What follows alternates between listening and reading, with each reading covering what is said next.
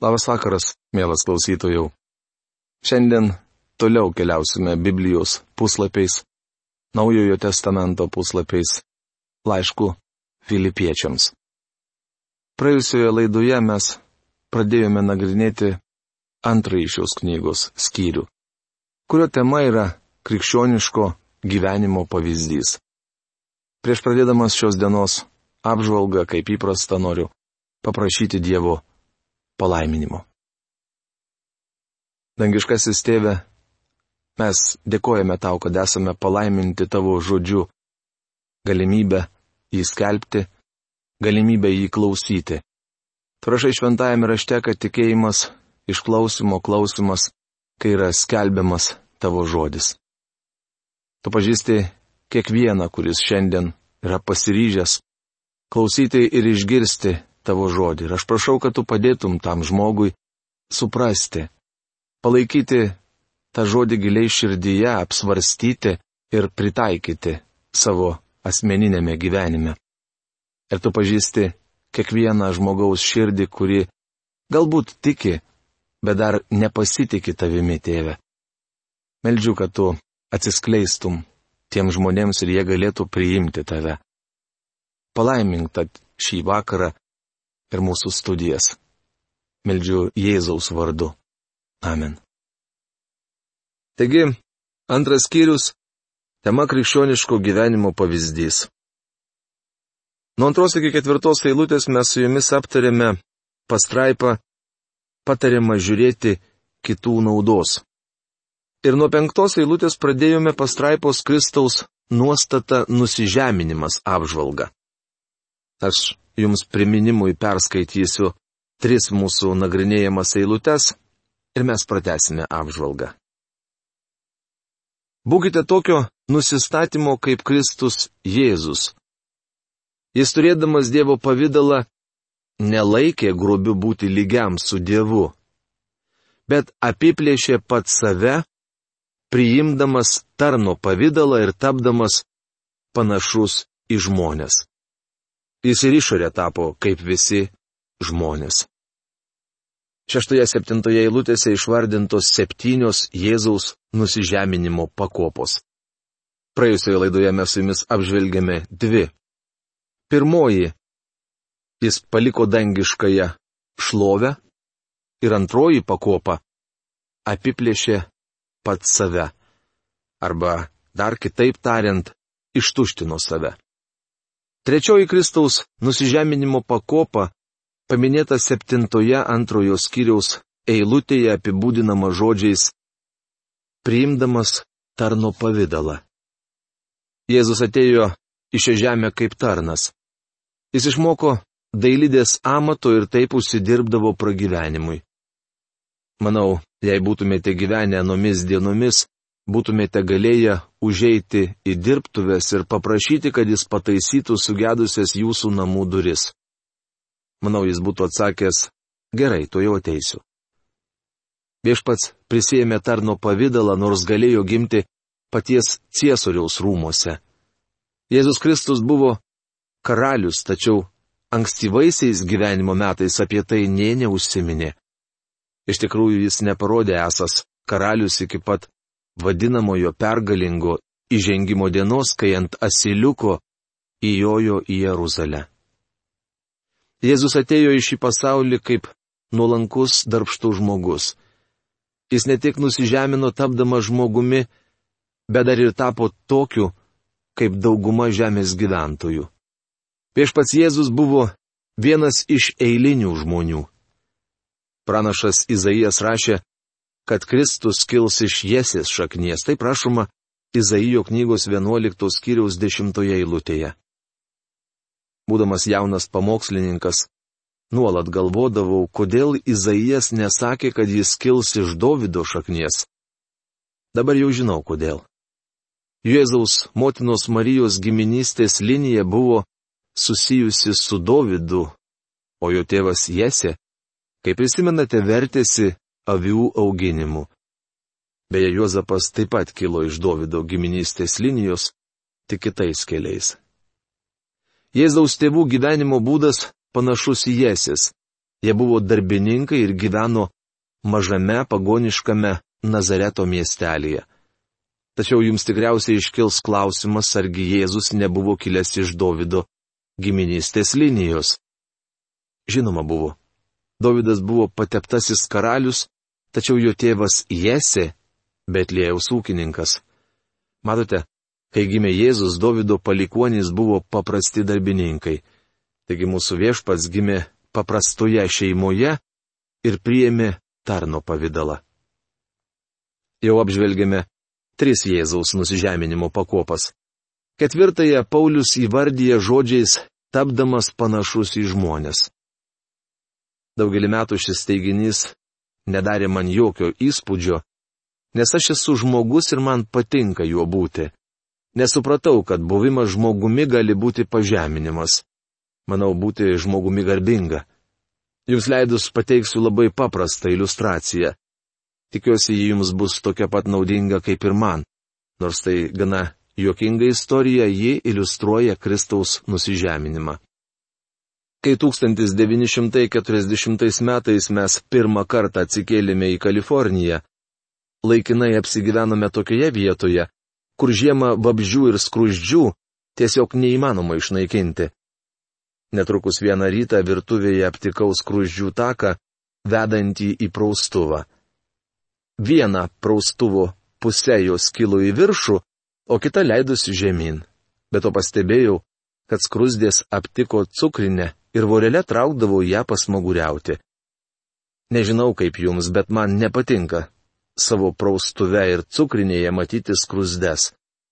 Nors nemėgstu nieko žudyti, vis dėlto ryžausi jas išnaikinti. Nusipirkau nuodų ir greitai mes jomis atsikratėme. Persikėlę į nuosavus namus vėl susidūrėme su šia problema. Laimiai, aš turiu nuostabų krikščionį bičiulį, kuris verčiasi vabžių ir kenkėjų naikinimu. Jis apsilanko pas mus du kartus per metus ir viską gerai išpurškia, net pastogę ir medžius. Daugiau į mūsų namus neužklysta ne viena skrusdė. Tiksliai nežinau, bet įsivaizduoju, jog aplink mano sklypą skrusdės rengė protesto įtines. Net jei taip ir buvo, aš nejaučiu skrusdėms jokios neapykantos. Jei galėčiau kaip nors su jomis susikalbėti, pasakyčiau, klausykit, aš ant jūsų visai nepykstu, tik laikykitės atokiau nuo mano praustuvo ir cukrinės.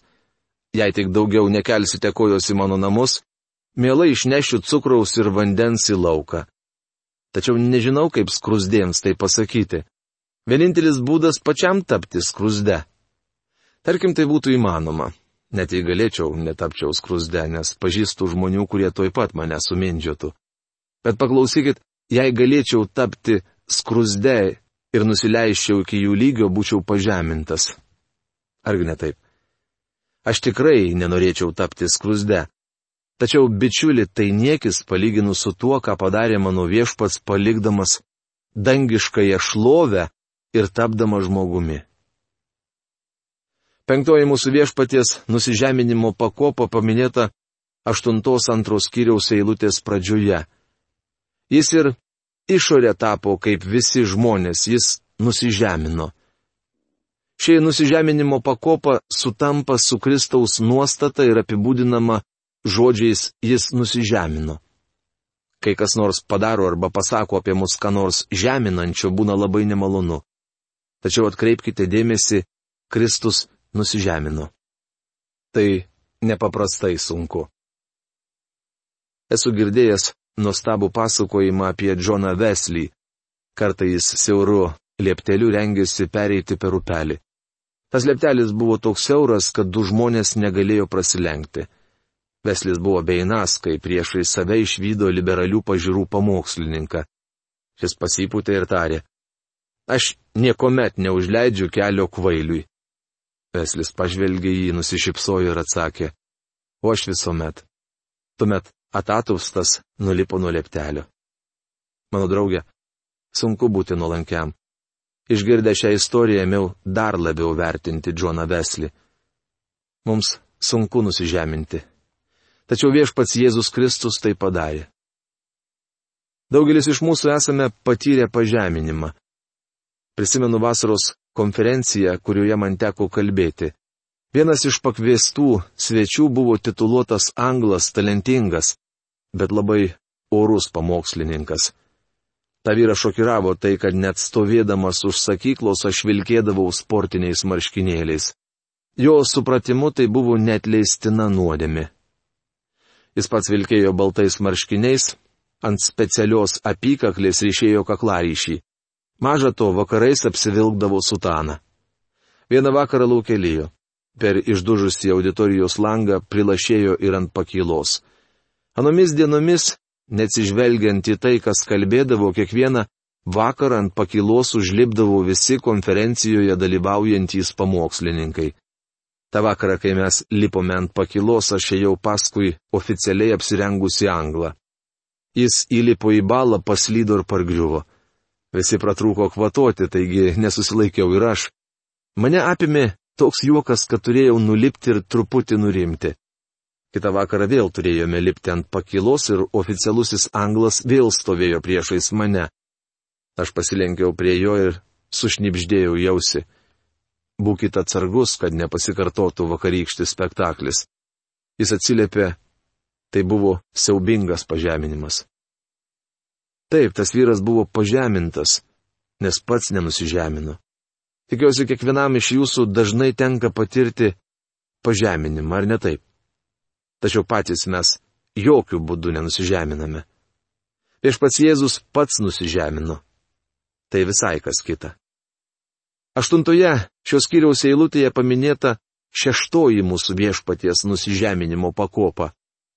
Jie apibūdinama žodžiais tapdamas klusnus iki mirties. Mirtis yra labai žeminantis reiškinys. Tai nėra natūralus dalykas.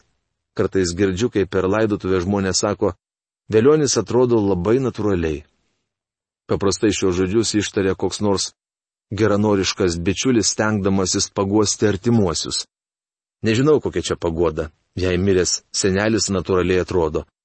Tokioje situacijoje vos susilaikau nepasakęs, ne, jis netrodo natūraliai. Mirtis nėra natūrali. Dievas sukūrė žmogų ne tam, kad jis mirtų. Žmogus miršta dėl nuodėmės ir savo nusižengimų. Dėl vieno Adomo kalties mirtis prasiskverbė į visus žmonės. Ji nėra natūrali, nes Dievas sukūrė žmogų nemirtingą. Viešpats Jėzus atėjęs į šią žemę buvo kiek kitoks nei visi žmonės. Mes su jumis gimėme tam, kad gyventume. Aš sažiningai pasakysiu, jog trokštų gyventi ir nenoriu mirti. Dabar yra vaisingiausias mano tarnavimo laikotarpis, todėl noriu gyventi tiek, kiek viešpats leis. Tačiau viešpats Jėzus gimė tam, kad numirtų. Jis atėjo į šią žemę mirti. Kristui nereikėjo mirti, bet jis tapo klusnus iki mirties ir pasiaukojo savo noru. Aš privalau mirti, tačiau nenoriu. Jis neturėjo mirti, bet norėjo. Kodėl? Kad išgelbėtų jūs ir mane, žinoma, jei mes juo tikėsime. Viešpats Jėzus sakė, kaip mane pažįsta tėvas, ir aš pažįstu tėvą. Už avis aš guldau savo gyvybę. Tėvas myli mane, nes aš guldau savo gyvybę, kad ir vėl ją pasiimčiau. Niekas netima jos iš manęs, bet aš pats ją laisvai atiduodu. Aš turiu galę ją atiduoti ir turiu galę vėl ją atsiimti. Tai prašoma Jono Evangelijos 10 skyriaus 15 bei 17-18 eilutėse. Septinta ir paskutinėje Kristaus nusižeminimo pakopa apaštalas Paulius išreiškia žodžiais iki kryžiaus mirties. Kristus tapo klusnus ne šiaip iki mirties, bet iki kryžiaus mirties. Galbūt geriau suprastume, ką tai reiškia, jei būtų pasakyta, kad jis mirė elektros kėdėje, dujų kameroje ar buvo pakartas. Nukryžiavimas buvo tokia pat gėdinga mirtis. Vieš pats Jėzus Kristus iš aukščiausios dangiško šlovės nusileido į žemiausią lygį. Kodėl jis tai padarė? Grįžkime prie žodžio kiti. Jau minėjome, kad apaštalos Paulius šiame laiške sako, žiūrėkite kiekvienas ne savo naudos, bet kitų. Viešpats Jėzus paliko dangiškąją šlovę ir nužengė į žemę. Jis tapo žmogumi ir dėl kitų, arba tiksliau, dėl jūsų, ir manęs iškentėjo nusikaltėliams skirtą bausmę. Ačiū Dievui iš tai. Toks yra Kristaus nusistatymas. Dabar pasižiūrėkime į Dievo nuostatą, o ji yra Kristaus išaukštinimas. Taigi jau aptarėme, kad Kristaus nusistatymas yra nusižeminimas. Toliau skaitydami laišką filipiečiams susipažinsime su Dievo tėvo nuostata. Kaip jau minėjau, ji susijusi su Kristaus išaukštinimu. Apaštalas Paulius išvardyja septynes Kristaus išaukštinimo pakopas. Todėl ir Dievas jį išaukštino ir padovanojo jam vardą kilniausią iš visų vardų. Filipiečiams laiško antros skyriaus devinta eilutė. Taigi pirmoji išaukštinimo pakopa pasakoma žodžiais Dievas jį išaukštino. Pagrindinis Dievo tėvo tikslas - išaukštinti Jėzų Kristų jo sukurtoje visatoje ir žemėje, kur žmogus sukilo prieš Dievą. Maža žemė svarbi ir reikšminga tik tuo, kad čia mirė Kristus. Astronomai sako, kad mūsų planeta tai yra mažas taškelis erdvėje. Jei išnyktų, visatoje niekas nepasikeistų. Kažkas yra pasakęs, jog žmogus tai yra užkratas ant mažos planetos epidermio. Taigi žmogui kilnumos suteikė tik tai, kad Jėzus Kristus atėjo į šią žemę ir numirė už jį ant kryžiaus. Tik todėl šiandien mes galime pakelti akis į dangų ir gėdoti džiaugsmingą giesmę. Todėl Dievas Kristų ir išaukštino. Toje pačioje devintoje eilutėje nurodyta ir antroji Kristaus išaukštinimo pakopa. Ir padovanojo jam vardą kilniausią iš visų vardų. Pagalvokite apie tai, kai kitą kartą bereikalo vartosite jo vardą. Juk Dievas padovanojo jam vardą kilniausiai iš visų vardų, o žmonės vartoja jį kaip priežodį ar dar baisiau kaip keismažodį. Neseniai per televiziją rodė pilotą išlipusi iš lėktuvo, kuriame netikėtai sprogo bomba. Tas vyras tik per stebuklą sugebėjo nutupdyti lėktuvą. Po šio įvykio jis stovėjo šalia minios ir kartojo Jėzau Kristau, Jėzau Kristau. Nežinau, ar pilotas kartojo šį vardą kaip priežodį, bet jei taip, te pasigailijo Dievas. Visgi norėčiau tikėtis, kad tai buvo malda. Jėzaus Kristaus vardas bus išaukštintas virš visų šio pasaulio didžiūnų ir šlovingųjų angelų vardu. Kad Jėzaus vardui priklauptų kiekvienas kelias danguje, žemėje ir po žemę. Filipiečiams laiško antros skyrius dešimta eilutė. Šioje eilutėje išvardytos kitos trys Kristaus išaukštinimo pakopos. Trečioji pakopa - kad Jėzaus vardui. Tikriausiai prisimenate, kad Jėzus reiškia gelbėtoje. Prieš jam gimstant Betlėjuje angelas sakė, kuriam tu duosi Jėzaus vardą, nes jis išgelbės savo tautą iš nuodėmių. Tai prašoma Mato Evangelijos pirmos kiriaus 21 eilutėje. Atkreipkite dėmesį, jog toliau primenama pranašystė. Visą tai įvyko, kad išsipildytų viešpatie žodžiai pasakyti per pranašą. Štai mergelė nešios iššiose ir pagimdys sūnų, ir jis vadinsis Emanuelis, o tai reiškia Dievas su mumis. Tai prašoma Mato Evangelijos pirmos kiriaus 22-23 eilutėse. Ar galite parodyti man Biblijoje nors vieną vietą, kur Kristus būtų vadinamas Emanueliu? Kai pradėjau tarnauti, aš visai nesunkiai priėmiau žodžius, štai mergelė pagimdys. Jei jis Dievas, tai kaip dar galėtų tapti žmonijos dalimi, jei nestebuklingai gimdamas? Kur kas sunkiau man buvo priimti teiginį, jis vadinsis Emanuelis. Nes Naujajame testamente negalėjau rasti tą patvirtinančios ištraukos. Galbūt pasakysite, vadinasi, pranašystė neįsipildė. Mielas bičiuli, Šios pranašystės išsipildymas daug nuostabesnis, negu mes galime įsivaizduoti. Angelas kalbėjo, vadinkite jį Jėzumi, nes jis išgelbės savo tautą iš nuodėmių. Pamastykite, jūs negalėtumėte vadinti manęs Jėzumi, nes aš negaliu net pats savęs išgelbėti. Toks vardas netiktų ir jums, nes ir jūs negalite savęs išgelbėti. O vis dėlto Dangiškasis tėvas jį išaukštino ir pasodino savo dešinėje aukštybėse, kad jisai paruoštų nuotakai, bažnyčiai, gyvai Dievo bažnyčiai, tai yra mums tikintiesiems vietą danguje. Juk Dievas davė tos nuostabius pažadus mums. Juk visi šie žodžiai, kurie yra parašyti šventajame rašte, yra parašyti mums žmonėms. Jeigu jūs pripažinsite save nusidėjėliu, jeigu jūs tai išpažinsite Dievo akise ir pasikviesite Kristų į savo gyvenimą kaip viešpati ir valdovą, kaip karalių, jūs būsite išgelbėtas dar šiandien. Ir jūs nepajausite to išgelbėjimo kažkokiu tai stebuklingu būdu. Bet jūs apie tai žinosite, nes Dievo žodis įtikins jūsų širdis tame.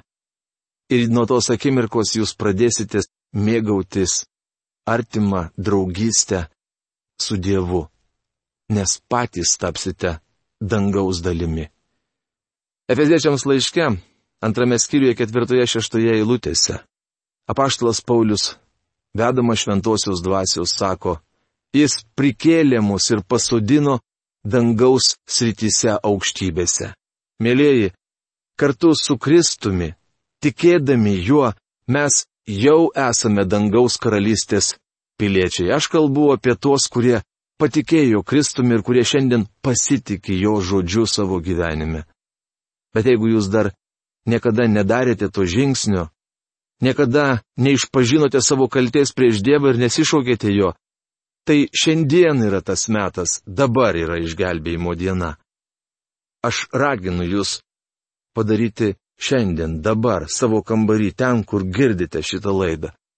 Kvieskitės iš savo širdies Dievą į savo gyvenimą ir pamatysite šlovingus jo darbus jumise. Su šiuo palinkėjimu noriu šios dienos laidą ir užbaigti. Iki greito pasimatymo. Sudė.